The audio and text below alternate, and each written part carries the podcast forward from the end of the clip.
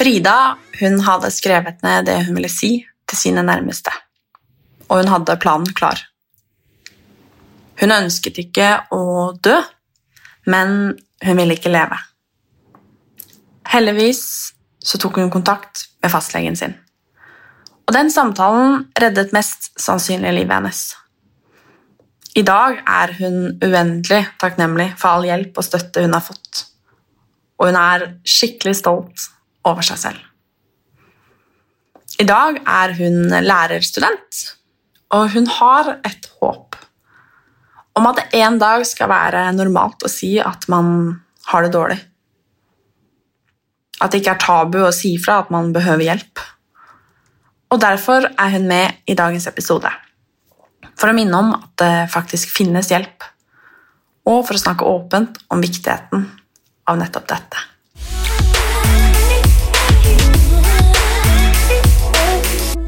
Eh, på våren i fjor, i 2020, så møtte jeg veggen. Det er ofte noe jeg har hørt sjøl, men jeg har aldri helt skjønt betydningen av. Men det var sånn det føltes ut. Eh, jeg var veldig langt nede, og i ettertid så ser jeg at jeg tenkte kanskje ikke helt rasjonelt, men det var en periode der jeg virkelig tenkte hva er vitsen? Skal jeg fortsette, eller er det bedre om jeg bare slutter det? Og jeg var på en måte klar. Jeg hadde lagt ned noen tanker om hva ville jeg ha sagt til de jeg står nærme, og ja, og så tenkte jeg at nå vet du hva, jeg skal gi det et forsøk. Så den kvelden sendte jeg en melding til legen min, for jeg hadde vært i kontakt, kontakt med han tidligere og jevnt over. Og jeg visste at han var tilgjengelig, så jeg sendte en melding eh, om hva jeg tenkte, hvor jeg var på en måte i tankene mine, og fikk time hos han neste dag. Og den legetimen besto egentlig i at jeg satt og grein og grein og grein. Og han hørte, han så meg, han svarte rasjonelt og var veldig på at hva trenger du? Og vi la en ordentlig plan. Og det her var en fredag, og legekontorene har jo stengt i helga. Eh, så det var veldig viktig for han òg at det her skal være en plan så vi kan følge neste uke òg, men òg i helga. Eh, så vi ble enige, fordi at pga. korona så var det veldig vanskelig å komme fysisk til psykolog. Og tidligere så hadde jeg benytta meg av psykologtilbudet som Sammen i Bergen har, og som er et studenttilbud, men som er et kortvarig tilbud. Eh, og pga. korona så var det digitalt. Og da følte jeg at det var ikke noe for meg. Jeg syntes ikke at det Det var ikke det jeg trengte, og det forsto legen min. Så da ble vi enige om at ok, jeg skulle få bli henvist og få lov å møte fysisk på heimstedet mitt. Og når jeg da gikk ut av det legekontoret den dagen, så var jeg sånn Ok, nå ga jeg det et forsøk, og vi har en plan. Jeg må bare kjøre på. Jeg har jo lyst å bli frisk, og som jeg innså i ettertid, så handla jo ikke det om at jeg egentlig hadde lyst å dø. Det var jo bare at jeg ikke hadde lyst å leve i det jeg sto i. For det var vanskelig å stå gjerne i det veldig aleine, sjøl om jeg har folk rundt meg. Så derfra så gikk det oppover. Det må jo ha vært Altså, det å få komme til en fagperson, da, komme til legen din som faktisk tok deg imot med åpne armer Altså, Hvor viktig var det, tror du? For min del betydde det nok det veldig Altså egentlig nesten alt. Fordi at det å snakke om noe så personlig for min del så er ikke det så veldig lett å gjøre med verken samboer eller venninne eller familie. Det er på en måte åpne seg helt. Mens fastlegen min, selv om jeg har jo, altså, vi kjenner jo til hverandre, jeg har jo gått der, men likevel så blir det mer upersonlig. Og han er en utenforstående og kjenner ikke meg og vil derfor komme med Altså, da blir det en samtale ut ifra det. Og det var et sted jeg følte at ok, han tar meg seriøst. Og det er jo det jeg føler at mange kanskje kjenner på, at de blir ikke tatt seriøst.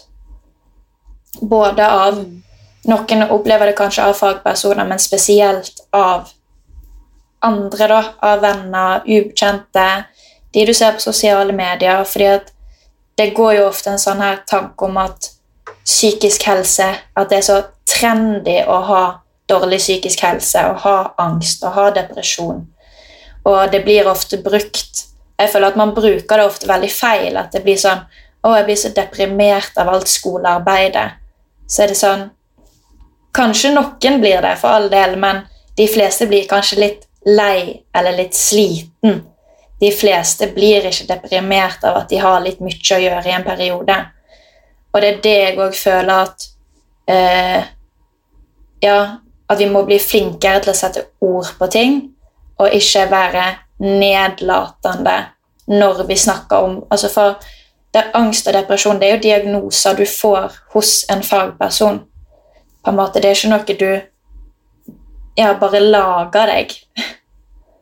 Mm. Så ja. Hvordan ble du syk? Eller altså, hvorfor ble du syk? Hva var det som på en måte gjorde at du faktisk ikke hadde lyst til å leve lenger? Det er jo det som er vanskelig, fordi at ofte så er ikke det på en måte én ting som gjør at jeg fikk en depresjon. Det er gjerne flere årsaker. og Ofte så henger jo angst og depresjon sammen, og jeg har òg dødsangst. Og det hadde skjedd eh, noe i forkant som utløste den i større grad. Eh, og i tillegg så har jeg hatt dårlig sjølbilde på en måte vært veldig sånn som tar ting nært. Kritikk veldig dårlig på å ta det imot. eh, så det er nok flere årsaker til det. Og det her skjedde jo før korona på en måte skjedde i Norge, så det det er ikke det det er knytta til heller. Det her skjedde jo i forkant av det for min del. Så det, det er nok mye, men det handler jo mye om hvordan jeg tenker på ting og ser på ting. Så ja, det er vanskelig å si én årsak til det. Mm. Jeg skjønner at det er og har vært en enorm prosess men hva er det som på en måte har vært viktig for deg? Eh, og jeg skjønner at det også kan være veldig individuelt om hva man faktisk behøver når man eh, behøver hjelp. Men hva har vært nødvendig for deg da, for at du skal For at du valgte livet igjen, og for at du sitter her og prater med meg og gleder deg til hva du har i vente, liksom?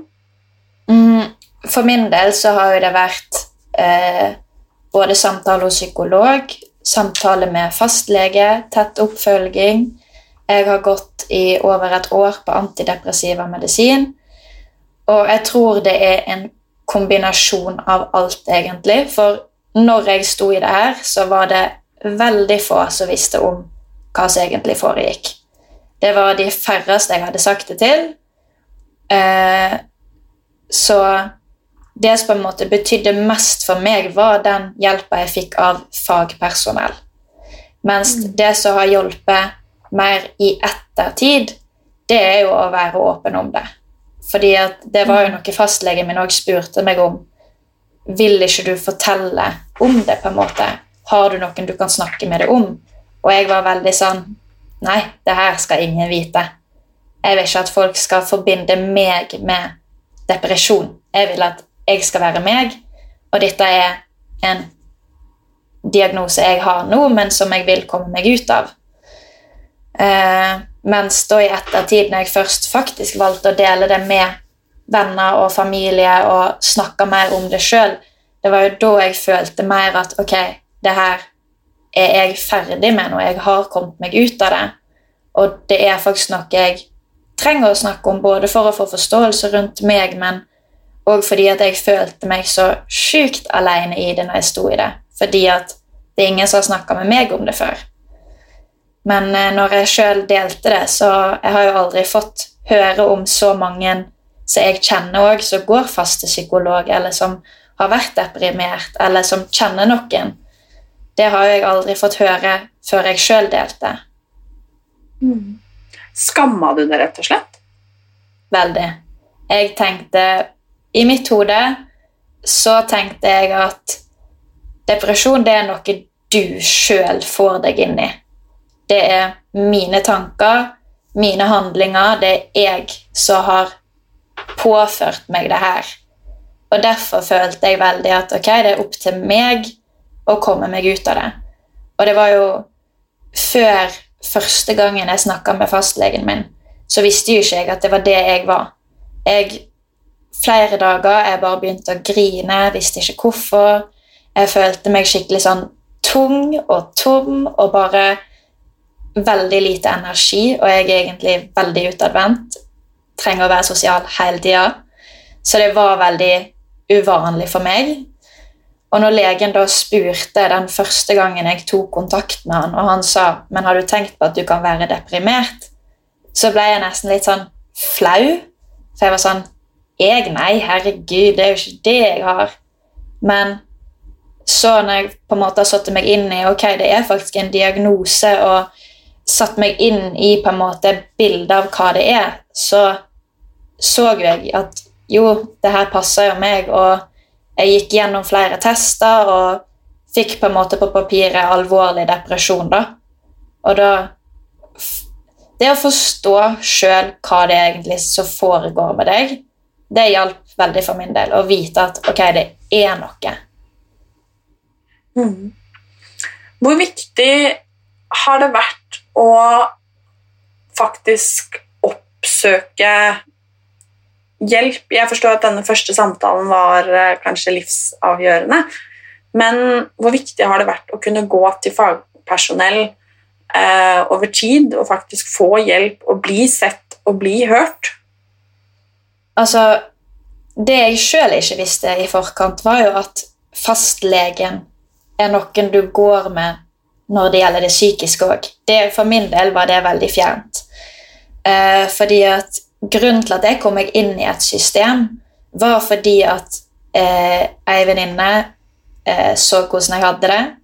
Eh, og vi hadde drukket alkohol begge to, og vi kom i kontakt med legevakta. Og dama på telefonen var veldig på at du er nødt å ta kontakt med fastlegen, og du er nødt til å komme deg inn i et system. For det er da, når du er inne i systemet, så er du der uansett. Da, da har du på en måte et nettverk rundt deg.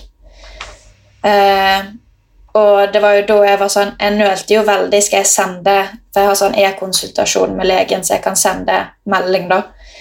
Og jeg var sånn Skal jeg gjøre det? Skal jeg ta kontakt med han om det? Det er jo ikke noe Det er ikke sant jeg har vondt i en arm, eller Det er ikke noe fysisk han kan hjelpe meg med, så vidt jeg veit. Eh, men det var jo det, og det er jo det jeg har prøvd å på en måte og ønsker å fortelle til andre òg at vi har faktisk et nettverk og et system rundt oss, og det handler om å komme seg inn i det. Eh, og at legen kan faktisk være behjelpelig òg med ting som angår den psykiske helsa. Og jeg fikk jo òg samtale hos psykolog gjennom tilbudet vi har gjennom studenttilbudet i Bergen. Og det òg var jo mye til hjelp. Det er jo bare at det er det er meint til å være et korttidstilbud. Eh, og da er det det når du er ferdig der, så er du, du er ikke i et system, på en måte. Du er hjertelig velkommen til å komme tilbake, men du er ikke inne i det systemet. Det er jo veldig mange som eh, opplever og føler at de ikke får hjelp. Og jeg har faktisk eh, stått med en venninne som har ringt meg hysterisk og sagt at hun ikke ønsker å, å leve lenger. Eh, og mens hun har prata med legevakta på telefonen eh, og fått beskjed om at hun kan komme om eh, tre dager. Mm. Eh, og jeg tror og er redd for at veldig mange møtes av, av det. Uh, at Mm. de opplever å Du kan ikke si til noen som har det vondt nå, at de kan få hjelp neste uke. Eller om et halvt år. Eller om Det går jo ikke. Um, hvor, altså, det å få den der akutte hjelpen da, som du fikk, liksom Jeg bare Jeg skulle så gjerne ønske at alle fikk den. Mm, og det er jo derfor jeg òg har lyst å på en måte dele min historie. Fordi at jeg føler det vi ofte hører om, er jo disse her som ikke får hjelp, og som det går veldig gale med, og som ikke har tiltro til systemet. Og da føler jeg òg at selvfølgelig det er ikke sånn det skal være, men jeg syns det er viktig å dele at for noen så kommer vi faktisk inn i systemet og får hjelp kjapt og får akkurat den hjelpa vi sjøl trenger. Og ved å dele at det har gått fint med meg, kanskje det kan være til hjelp for noen andre som kanskje tenker at nei, men hvis jeg, altså jeg får ikke hjelp uansett, det er ikke vits i. Så er det sånn jo, det er det. Man må bare prøve å stå på sitt. Og du har rett på helsehjelp i Norge.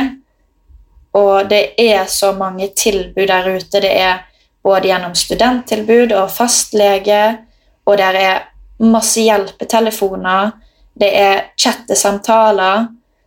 Og jeg har tatt i bruk flere av de sjøl òg, og det er god hjelp å få. Og det fins òg vi som får hjelp. Og det er jeg jo veldig, veldig glad for å høre. Mm. De som kanskje har tatt opp telefonen og ringt og følt at de til Mental Helse sin hjelpetelefon, f.eks., og følt at de ikke har fått eh, blitt møtt på den måten de kanskje håpte eller trodde eller ønska seg, og tenker da at de gir opp. Mm. Hva tenker du om det? Har du noe liksom For det er garantert mange som sitter og hører på her, som tenker at sånn som du sier da, at man ikke liksom Det er ingen som ser meg, eller det er ingen som bryr seg, og det hjelper ikke uansett hva jeg gjør. Hva Mm. kan de gjøre? Hva skal de gjøre? Hva må de gjøre? For det var jo det når jeg hadde denne legetimen der jeg var sånn Hva skal jeg gjøre videre? Da var jo jeg allerede hos eh, samtaler med psykolog gjennom studenttilbudet. Jeg gikk på antidepressiva. Jeg hadde jo på en måte begynt behandlinga, men jeg hadde ikke fått den samtaleterapien som jeg trengte. Det som funka for meg. Og det var jo det jeg sa til fastlegen min òg, at ja, jeg har et tilbud, men det er ikke det jeg trenger. Jeg, jeg trenger noe annet. Og på en måte sto på mitt, og han, han hørte meg, og han så meg, og jeg fikk komme til hos noen andre. fordi det er jo ikke sånn at alle terapeuter eller alle psykologer på en måte vil passe deg, og på en måte at det er en du føler deg komfortabel med og ønsker å fortelle alt til. Men der er jo mange, det er jo like mange ulike psykologer som det er ulike mennesker. Vi er jo forskjellige.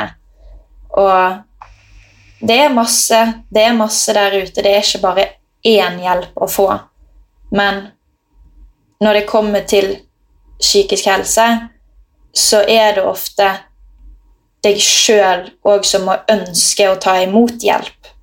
For det er veldig vanskelig for noen å hjelpe deg hvis ikke du er mottakelig for hjelp. Da er det veldig vanskelig å komme igjennom. Du nevnte det jo litt, um, og hadde kanskje til med det litt sånn selv, i og med at du følte på den skammen, som jeg tror veldig mange, mange gjør.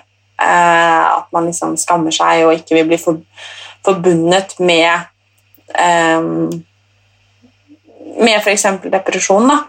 Um, at man ja, rett og slett sånn skammer seg litt fordi at man liksom skal være i dagens samfunn, og sånn har det vel egentlig vært siden tidenes morgen. At man skal være så tøff og sterk og flink og perfekt, og man skal prestere. Og at det å på en måte ha en psykisk helse, eh, for det har vi jo alle, eh, mm. som ikke er helt frisk, kanskje, eh, at det er et sånt tegn på svakhet, liksom. At det er mye fordommer knytta til, til det også. Og hva mm. tenker du om alle de som f.eks. Altså, sliter med å ta psykisk helse på alvor? Bare, eller både personlig, men også liksom overfor andre? Det er jo det jeg Sånn som jeg nevnte i stad, med at jeg føler eller, angst og depresjon blir ofte brukt så feil i på en måte den daglige samtalen. Sånn 'Å, jeg får helt angst av å ringe', eller 'Å, jeg blir deprimert av alt skolearbeidet'. Og, og når jeg da sitter der ved siden av å høre, og så vet jeg med meg sjøl at 'Å ja, men den diagnosen der har jeg', så er det ikke sånn at jeg da får lyst til å fortelle andre om den. Og jeg er ganske åpen av meg, jeg snakker om det meste. Så hadde noen spurt meg rett ut, og det var jo det flere av venninnene mine gjorde etter hvert sånn Jeg ser at det er noe, hva er det? Så får jo jeg en arena å snakke på. Mens hvis ingen snakker om det, og jeg i utgangspunktet ikke har lyst, så blir jo ikke det snakka om. Og det er jo det jeg òg har på en måte vært veldig på, at vi må skape rom for å stille vanskelige spørsmål og ikke bare den der hverdagslige 'Hvordan går det med deg?' men å spørre 'Hvordan har du det faktisk?' Og ledende spørsmål som 'Å, var det gøy i helga?' Altså, De færreste svarer jo nei, da, fordi du har jo blitt spurt om det var gøy. Da svarer jo gjerne ja, for det er det som er lettest. Men mm. og på en måte at vi må tørre å stille de vanskelige spørsmåla og ta de ubehagelige samtalene, for hvor mange sier ikke i etterkant eh, sånn 'Å, jeg skulle ønske hun sa noe. Å, jeg skulle ønske han bare fortalte meg om det.' Ja, det Altså, vi òg har muligheten til å fortelle om at vi har det vanskelig, men andre òg har muligheten til å spørre. Vi må tørre mm. å spørre, og vi må tørre å snakke om det. Og sånn som for min del så var jo ikke bare var jeg på en måte skamma meg på en måte over at jeg hadde diagnosen, men jeg ville ikke at det var på en måte en merkelapp jeg skulle ha på meg i ettertid. For målet mitt var jo å bli frisk og komme meg ut av det sånn som jeg har gjort i dag. Og da vil jeg på en måte bli sett på som Frida, Frida som jeg alltid har vært. Ikke Frida som har vært deprimert, på en måte. Altså, Jeg ville ikke at det skulle være en merkelapp jeg hadde på meg, og jeg tenkte at ved å snakke om det, så ville folk på en måte ikke bruke det mot meg, men ja, ha det hengende over meg, da. Mm. Kan man bli helt frisk? Jeg, det er vanskelig å svare på, for som sagt så handler det òg masse med psykisk helse. handler jo nettopp om det din egen syke. Det er det er mye hjelp å få ute. Det er medikamentell behandling, og det er samtaleterapi, men til syvende og sist så er det òg det som foregår oppi ditt hode, mitt hode. Og jeg har visst, jeg har vært klar på det hele tida, jeg har fått det fortalt av leger og psykologer at det er jeg som må jobbe med meg sjøl. Og det, det, du får hos en psykolog, er jo teknikker som du sjøl kan jobbe med jeg har jo fått oppgaver og på en måte ting jeg skal jobbe med meg sjøl. Og det er jo ting jeg fortsatt jobber med. Sånn så det å ikke ta meg nær av alt, eller være så nærtagende, for hva får jeg ut av det egentlig? Det sitter jo bare igjen med en ekkel følelse. Så det er jo fortsatt ting jeg jobber med. Men jeg er jo, jeg er jo ikke deprimert. Det er ikke jeg. jeg altså På alle tester og med meg sjøl òg så scorer jo jeg normalt. Det er normalt at ikke alt er på topp. Det er normalt å være litt midt på treet, på en måte. Men mm. det er det at selv om jeg ikke har en diagnose lenger, så har jeg fortsatt en psykisk helse. Og det er jo det, altså den er der til jeg dør. Så har jeg psykisk helse på lik linje med fysisk helse. Og det er noe man må jobbe med med seg sjøl hver eneste dag, egentlig. Og finne teknikker som funker for deg, og ja, gjøre det du trenger for å ha det bra med deg sjøl. For det er egentlig det det handler om, at ja, du skal like deg sjøl. Trenger ikke å elske og forgude deg sjøl, men du skal ha det godt med deg sjøl før du klarer å ta imot at andre liker deg. Hvordan kan man være en god venn for en som har det så vanskelig, som kanskje ikke ønsker å leve lenger, eller en som sliter med å se sin egen verdi, eller som er veldig, veldig langt nede psykisk? For min del så har det vært det at folk, eller vennene mine og samboer, ikke hver dag tenker at å, ja, men hun har en dårlig dag, eller å, ja, men hun har lov å ha det litt dårlig uten at jeg må spørre. Så er det sånn Ja, men alle har lov til å spørre meg hvordan har du det, eller har du lyst til å snakke om det.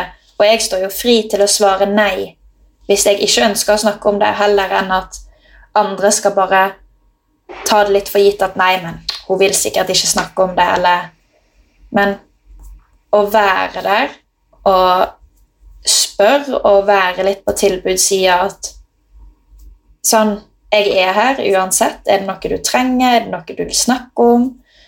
Uh, og ta det seriøst, uansett om personen uh, har drukket alkohol, eller om personen har vært gjennom noe spesielt. Altså, ta det seriøst en gang for masse enn å bare tenke at nei, men det er bare noe hun tenker nå, eller Men ja, egentlig ta det seriøst og være der og spør. Du må skape Altså, skal du få Skal du få svar, så må du faktisk òg av og til spørre. Enig med deg. hmm. Jeg syns det er skikkelig fint det du sier med at um, vi er veldig veldig opptatt av å ta vare på den fysiske helsa vår. Mm. Eh, og det er jo ganske trendy, til og med. Mm. Eh, men som du også sier, så er det jo like viktig, om ikke viktigere, eh, nesten, å ta vare på den psykiske og mentale helsen også. Mm. mm. Og jeg kan jo av og til høre folk si sånn der, som du sier, da Å, det er trendy, liksom. Eh, sånn som du også sa, at liksom, jeg også kan få spørsmål sånn Å, jeg har så angst for den prøven min i morgen, liksom. Hva kan jeg gjøre? Eh, og det er klart, angst er jo en reell følelse. Eh, mm. Men eh, som jeg pleier å si, så hender det jo at livet er litt ubehagelig på generelt mm. grunnlag. Det hender at man må gjennom noe vanskelig at man må gjennom noe tøft um, som ikke heter angst og depresjoner, men som heter livet. Mm. Uh, og jeg kan av og til lese kommentarer f.eks. hvis noen har snakka høyt om psykisk helse eh, og stått fram, på en måte, Eh, og fortalt sin historie, så kan jeg av og til lese sånne kommentarer under, i Facebook-kommentarfeltet sånn, der folk bare sånn 'Herregud, før var det ingen som sleit med dette her, og nå har alle liksom angst og alle har depresjoner', og jeg liksom tenker bare Ja, ikke sant? Um, så jeg lurer på, hva tenker du om det, Frida? Altså, sånn som jeg sjøl òg har lest og blitt fortalt, og på en måte som gir mening når du hører det, er jo at normalangst er noe som alltid er til stede. Det er jo det som på en måte det er vanlig å være engstelig før ei stor prøve eller før du skal kjøre opp for å ta bilsertifikatet. fordi at det er gjerne det som gjør at du blir skjerpa til en situasjon, og at man kanskje ikke tar unødvendige risikoer. Og, og normalangst er bra, det er sunt, det, det skal være til stede. Men så er det noe helt annet enn å ha en angstlidelse. For en angstlidelse handler jo om at det på en måte er en egentlig ja, irrasjonell frykt som er til stede ofte, eller hele tida. Altså Det er noe som virkelig skiller seg fra normalangst. På samme måte som at det helt vanlig å være lei seg eller ha en dårlig dag, eller hvis man går gjennom eh, et kjærlighetsbrudd eller at noen som står deg nær, går bort.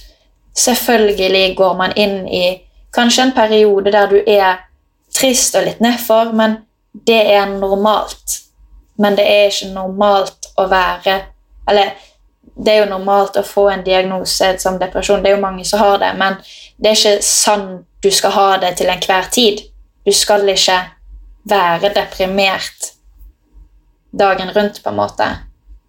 Og det er det jeg føler er viktig å skille mellom at Ja, det som er Det som alle kan forvente, og så det som faktisk gjør at du har en diagnose, eller du har noe som gjør at kanskje du trenger litt hjelp. Mm. Jeg tror at eh, mange, og inkludert meg selv eh, At jeg selv, da, om jeg skal bruke meg selv som et eksempel, hadde syntes det vært skikkelig vondt og vanskelig om eh, f.eks. kjæresten min sleit med selvmordstanker. At jeg nesten selv hadde følt på en sånn Hva skal man si en, At jeg på en måte hadde feila nesten som Mm. kjæreste. Fordi at eh, han om han hadde da vært deprimert eller hatt selvmordstanker og ikke ønska å leve lenger At liksom, nei, men herregud, er ikke jeg nok? Hva har jeg gjort feil? Hva, at jeg på en måte da, som pårørende, da, om jeg skal si det sånn, hadde skamma meg, jeg også, men også fått veldig skyldfølelse for at, for at han hadde det sånn. Mm. Um, hva tenker du om det? Det er jo òg noe jeg har på en måte snakka mye med samboeren min om, og venninner og de som står meg nær, at det her handler ikke om de. Det, selv om det kan føles sånn ut som du sier, hvis, altså at, hvis det er kjæresten din, at du kan begynne å tenke på deg sjøl, og hva har jeg gjort, hva kunne jeg gjort annerledes? Men så er det nettopp det sånn som jeg og samboeren min har snakka mye om òg, at det her handler og I mitt tilfelle så handler det om meg. Det handler om min psykiske helse og hva som foregikk inni meg. Han kunne ikke gjort noe annerledes.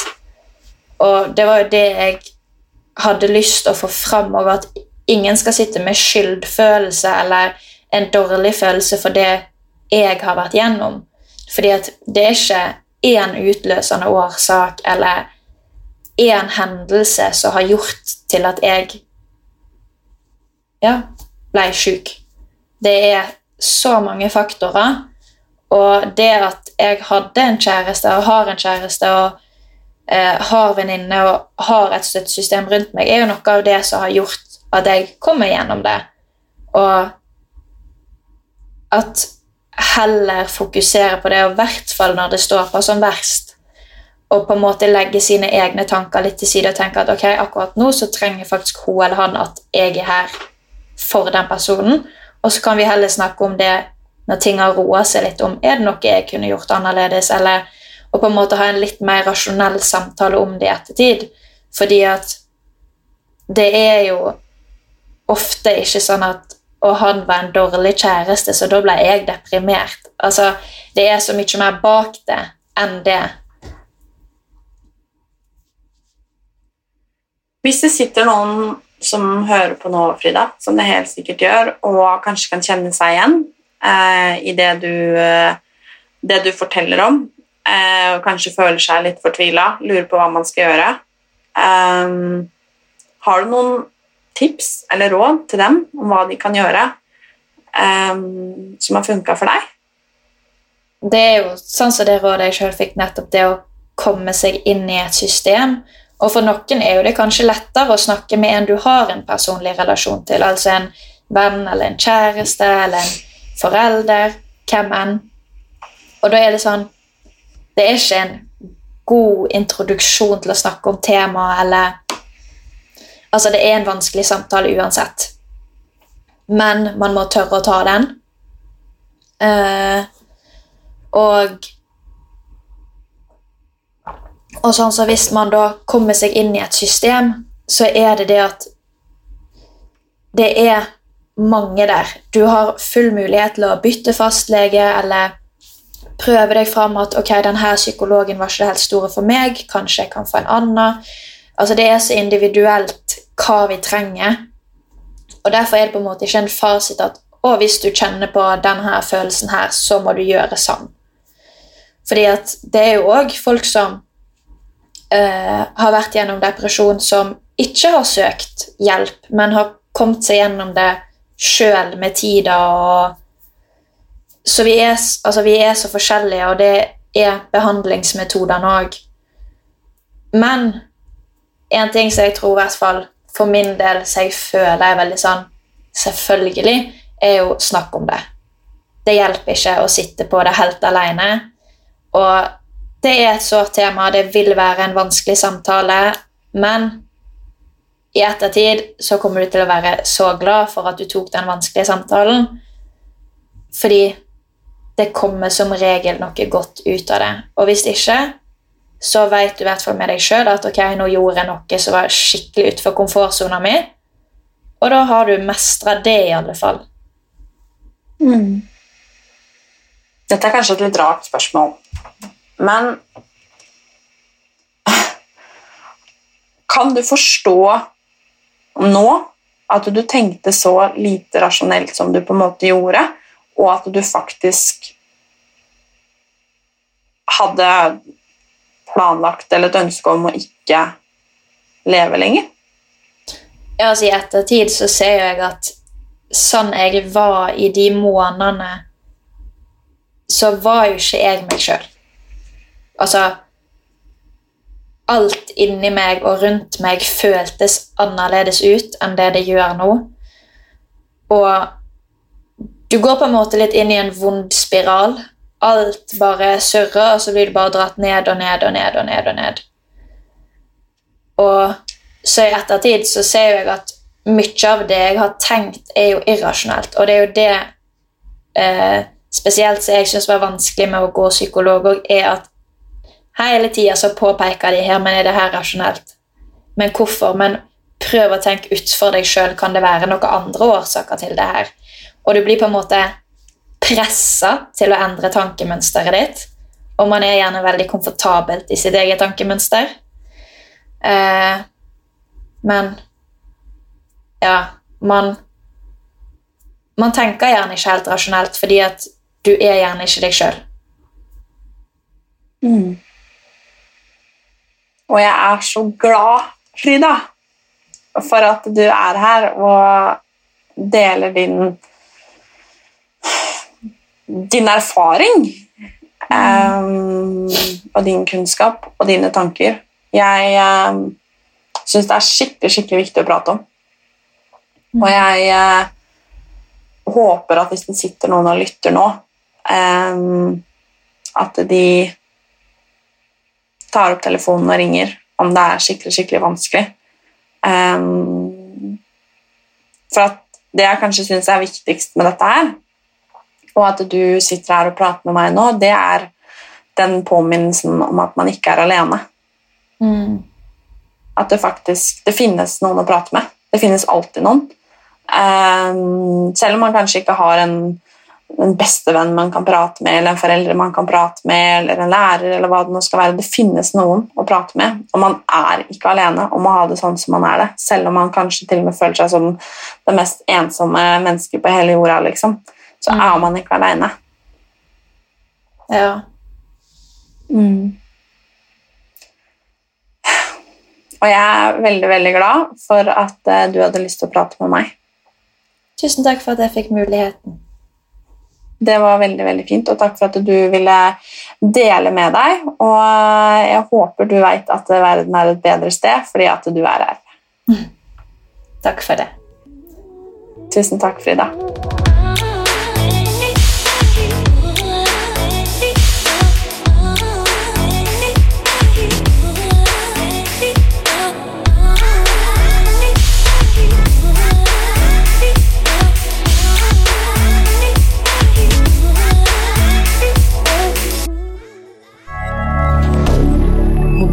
hebdomadaire.